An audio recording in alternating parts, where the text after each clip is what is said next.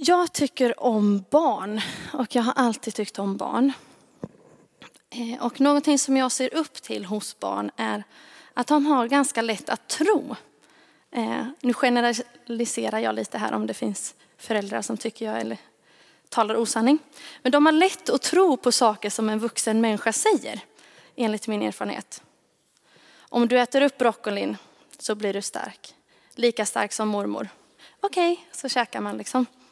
Barnet behöver inte veta alla detaljer om vad som händer, var kommer musklerna, varför och hur det går till. Utan i bästa fall då så väljer barnet att tro direkt på det som den vuxna personen säger. Och jag tycker att vi har väldigt mycket att lära oss av barn och deras inställning till livet generellt. Men just idag ska vi prata lite om deras lättsamma inställning till att tro. För det är ju temat på dagens gudstjänst, trons kraft. Och eh, jag heter Jenny, jag känner igen de flesta här. Eh, jag har varit med i församlingen här i ungefär ett år. Yes. Och den gammaltestamentliga texten som vi hörde här, det talar ju om ett exempel på den kraften som finns i tro. Berättelsen om Noas uthålliga tro i bygget av en båt utifrån en uppenbarelse som Gud eh, hade gett honom utifrån det tilltalet. Och i episteltexten som eh, Patrik läste så läste vi lite om vad tron är, en definition på tron och sen så fick vi lyssna på ännu fler exempel från Gamla Testamentet på berättelser där trons kraft och tron har varit verksam. Och dagens evangelietext som vi ska läsa, den är från Markus evangeliet 12. Eh, och eh, innan jag läser den så vill jag bara ta med er till Jerusalem, för det är nämligen där som eh, händelserna i dagens text utspelar sig.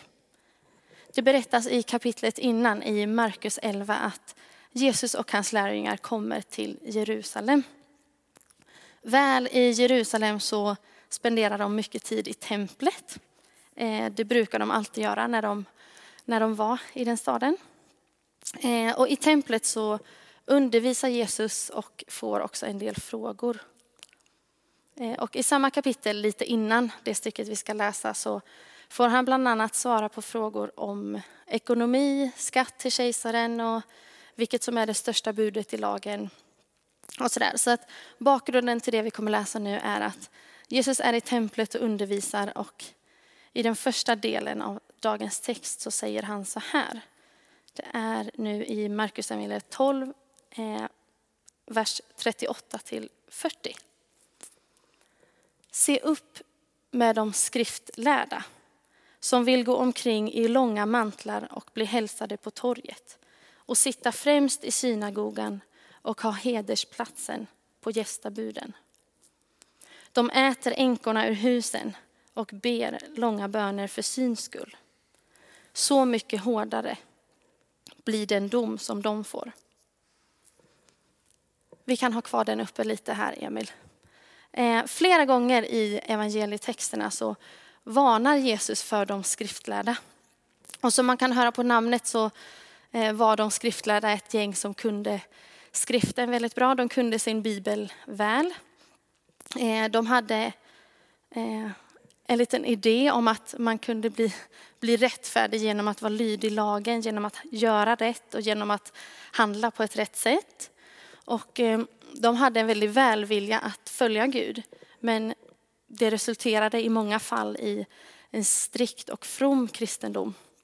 Eh, och eh, den levnadsstilen som de hade, det grundar sig inte alltid på rätt motiv, att Gud ska få bli ärad, utan kanske att man själv ska få synas och så. Och i just det här exemplet så ser vi att eh, Jesus säger att de ber långa böner för syns skull. Eh, de gör saker för att man ska se dem. Ehm, och Jesus säger också att de äter änkorna ur husen. Eh, det var så att de skriftlärda på den här tiden, de hade ingen ordinarie lön så att man levde på andra människors eh, generositet. Och det här kunde ibland missbrukas och då var det eh, änkorna en av de mest utsatta att eh, drabbas för det. Så det är första delen av texten. Jesus pratar om de skriftlärda och varnar lite för deras levnadsstil.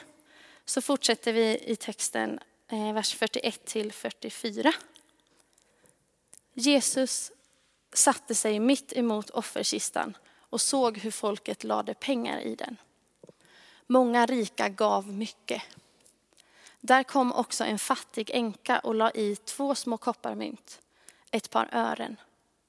Då kallade han till sig, alltså Jesus, då kallade Jesus till sig sina lärjungar och sa till dem, jag säger er sanningen, den här fattiga änkan gav mer än alla de andra som la någonting i offerkistan. Alla andra gav av sitt överflöd, men hon gav i sin fattigdom allt som hon hade att leva på. Så lyder det heliga evangeliet. Lovad vare du, Kristus. Så efter att Jesus har talat om de skriftlärda så går han alltså och sätter sig mitt emot offerkistan som det står. Det är alltså templet i Jerusalem omslöts av två förgårdar och i den första förgården så stod offerkistan och det är kring offerkistan då som händelsen utspelar sig. Dit gick man antingen för att betala skatt eller för att eh, ge gåva och offer till templet. Eh, och vad som händer här är ju att Jesus sätter sig ner och iakttar folk som ger eh, gåvor. Och det står ju så att många rika gav mycket. Och det är bra. Eh, och sen så står det att eh, där kom en fattig änka. Och eh, änkorna var ett väldigt utsatt folk, ett, en av de mest utsatta folken i, i samhället på den tiden. Har hon haft en man och så har han dött, då har hon ingen status, ingen ekonomi, ingen trygghet i sitt liv. Så att hon är redan utsatt. Jag vet inte, det kan ju vara så att hon har blivit uppäten ur huset, eller vad man säger. Det som han pratade om i förra stycket där. Eh, det vet man inte. Men det vi vet är att hon är fattig och hon kommer och ska ge en gåva. Mm. Och hon la i två små kopparmynt. Eh, det är den, den minsta pengen som fanns på den här tiden, kopparmyntet. Mm. Och när, Jesus, när kvinnan ger sina två mynt, då säger Jesus till sina lärjungar, kom, jag ska säga något. Och så säger han, den här kvinnan, hon gav mest av alla. Alla de andra gav av sitt överflöd, men hon gav i sin fattigdom allt som hon hade att leva på. Och de här två texterna och eh, de här två eh, grupperna står lite i kontrast till varandra. Vi har änkan på ena sidan, sen har vi övriga på andra sidan. För Jesus säger så, alla andra gav av sitt överflöd, men hon gav i sin fattigdom. Hon gjorde någonting speciellt här. Eh, så det är de två grupperna som står i kontrast till varandra. Eh, vi läste ju om de skriftlärda att eh, de kanske gör saker för syns skull. De förtröstar på sin egen förmåga att kunna nå rättfärdighet, sina egna handlande, sina egna handlingar. Det är ena sidan då och sen är det då versus kvinnan som hon insåg sin egen liken, litenhet och i den litenheten så satte hon full tillit, full förtröstan till Jesus och gav, gav sitt allt. Mm. Så står det hur eh, alla andra gav av sitt överflöd, hon gav i sin fattigdom. Eh, det kan ju hända att några av detta gänget de gav för syns skull, men det kan mycket väl hända att många av dem också har gett med sitt hjärta. Liksom. Eh, så det finns nog olika motiv i den här gruppen, men eh, det vi vet är att motivet bakom kvinnans handlande, det är bara tro och det är eh, ett hjärta som ger allting som hon har att leva på.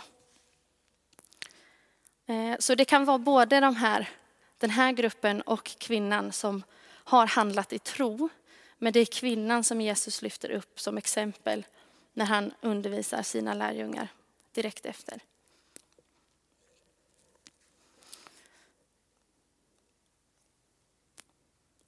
I episteltexten för dagen som Patrik läste för oss så eh, kunde vi läsa en definition på vad tro är. Det står i Hebreerbrevet 11 och kapitel 1 står det så här. Tro är en övertygelse om det man hoppas. En visshet om det som man inte ser. Så tro innebär alltså inte vetenskap och bevis, utan det innebär att man är övertygad om någonting som man inte vet. Och det kan finnas goda skäl till att tro och det kan finnas mindre goda skäl till att tro på någonting. Men tro som begrepp, det innefattar ändå att man sätter sin tillit till någonting som man inte 100% kan bevisa eller med vetenskap så. Eh, och den tro som vi pratar om här ikväll, eh, det är tron på Gud. Eh, tron på att lita på att Jesus säger att han är, att han är den han säger sig vara i sitt ord och att lita på att Guds löften håller.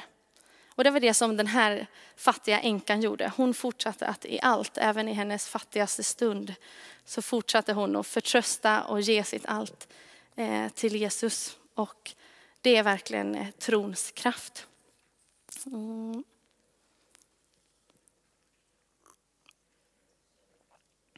Eh, I fortsättningen på Hebreerbrevet så räknas upp exempel på människor som har trott på Gud och fått se saker hända. Ehm, jag nämnde tidigare och Roger läste också den texten om Noa som fick en uppenbarelse från Gud om att han skulle bygga en ark för att det skulle komma en flod. Och eh, det här var helt orimligt för Noas logiska hjärna, för Noa levde i en torr eh, instängd region. Bara tanken på att det skulle finnas så mycket vatten att en båt skulle kunna flyta var skrattretande för Noa. Men trots det så gjorde Noa som Gud hade sagt och han var uthållig i sin tro trots att alla andra människor runt omkring klankade ner på honom. Och Noa visar på det som Hebreerbrevet beskriver här, att en visshet om något man inte ser. Noa hade liksom fått en visshet om att floden kommer. Eh, då stod han fast vid den vissheten, även fast han, det tog väldigt lång tid innan han fick se det hända. Vi har också andra exempel i vår bibel på tro och hur det ser ut i handling. Eh, det berättas i Andra Kungaboken 5 om en kille som heter Naman. Eh, Naman var befälhavare hos kungen. Han var en modig stridsman eh, och så hade han spetälska. Och det var någon slags hudsjukdom. Och Gud talade till Naman genom en annan människa. Och så talade han och sa, gå ner till floden Jordan, doppa dig sju gånger så ska ditt kött bli friskt igen. Eh, och Naman blev arg då för att han hade förväntat sig att det skulle gå till på ett annat sätt. Han hade förväntat sig att få förbön eh, och att då skulle sjukdomen försvinna. Sen blev han också arg för att han såg så många bättre alternativ än att gå till Jordan och doppa sig. Det fanns andra floder i Damaskus som han hellre skulle doppa sig i. Det är, ja, tänk er själva, det är som att man bor typ i Göteborgs skärgård, en stuga vid havet. Eh, det är en fin sommar eftermiddag och så säger någon till dig, åk in till Göteborgs stad, hitta en smutsig liten damm och doppa dig sju gånger. Det är lite så som jag kan tänka mig att han kan ha känt. Eh, och då sa Namans tjänare sa så här till honom. Om profeten, alltså budbäraren, han som sa att han skulle doppa sig sju gånger. Om han hade begärt något svårt av dig, skulle du då inte ha gjort det? Hur mycket mer borde du inte göra det nu när han bara har sagt till dig, tvätta dig så blir du ren? Då fattade Naman, jag har hållit på hela dagen att säga Naham, Noham, ja, men Naman heter han i alla fall. Då fattade han och så gick han ner och så doppade han sig sju gånger i den här lilla floden och så blev han helt frisk igen.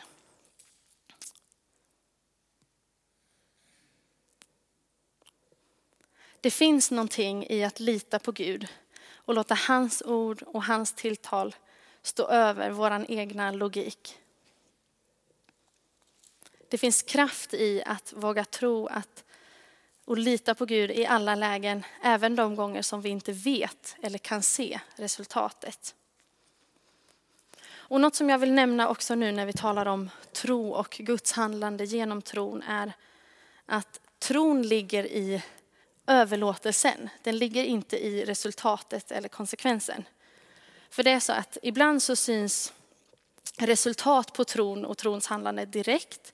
Till exempel då för eh, Naman eh, som eh, han, ja, efter lite tvivel och eh, efter andra vänners input så gick han ändå ner, doppade sig och han fick se att han blev frisk direkt.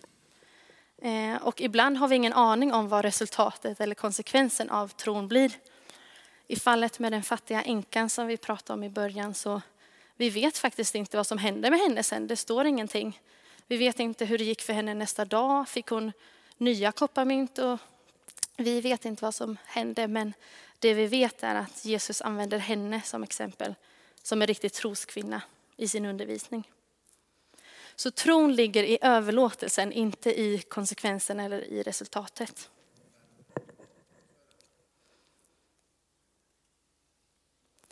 Eh, I samma kapitel i Hebreerbrevet som vi har läst om, eh, om tro så berättas det vidare om exempel då tron har använts som redskap för Gud att uppenbara sig själv.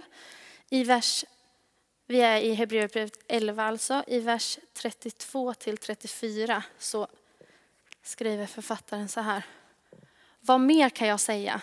Tiden räcker inte till för att berätta om Gideon, Barak, Simson och Jefta, om David, Samuel och profeterna.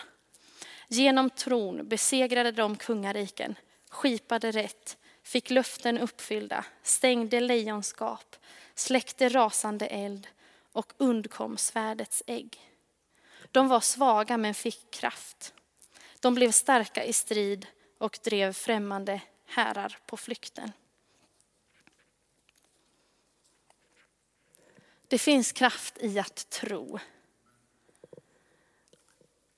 Enligt min uppfattning så kan det inte ha varit i egen kraft och med det egna förståndet som, som den fattiga änkan valde att ge allt som hon hade till Gud. Det måste ha varit i tron på att Gud kan förse henne som gav henne mod att handla, handla efter tron. Det finns kraft i att tro. I Efesierbrevet uppmuntrar Paulus Guds folk att ta på sig Guds vapenrustning. Och där nämns tron som, som en sköld. Eh, han skriver så här i Efesierbrevet 6 och 16. Ta dessutom på er trons sköld, för med den kan ni släcka den ondes alla brinnande pilar. Det finns alltså så mycket kraft i tro att eh, kraften övervinner djävulens alla listiga angrepp. I ett av Bibelns mest kända texter som man brukar kalla för lilla Bibeln eller något liknande. I Johannes 3 och 16 så, så står det så här. Så älskade Gud världen att han utgav sin enfödde son för att var och en som tror på honom inte ska, få, inte ska gå förlorad utan ha evigt liv. Var och en som tror ska inte gå förlorad utan ha evigt liv. Genom tron på Jesus så räddar Gud oss. Det finns verkligen kraft i att tro. Tron är ett redskap för Gud att uppenbara sig själv. Och när Gud uppenbarar sig själv, då är det kraft.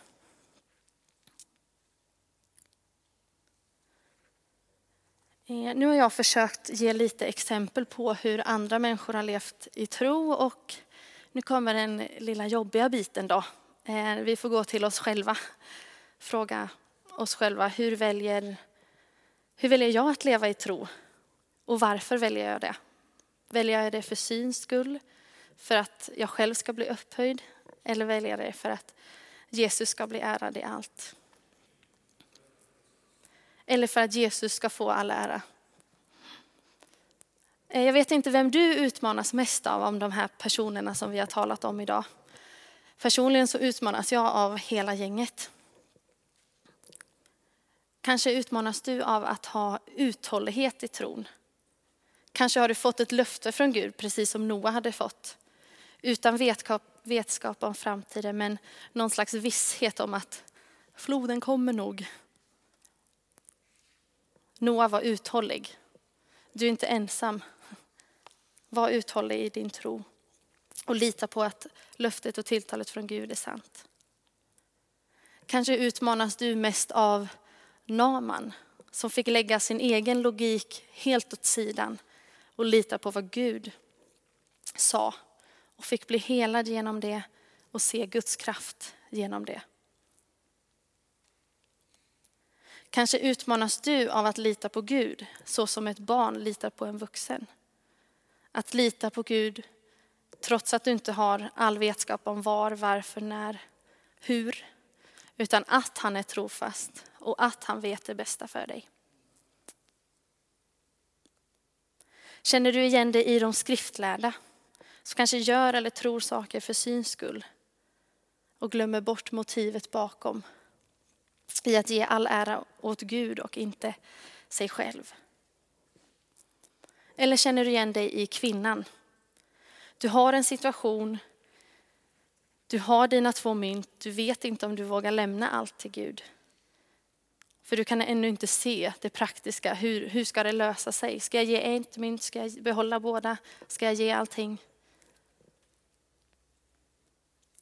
Jag har ingen aning om vem du känner igen dig i eller om du ens känner igen dig i någon av dessa.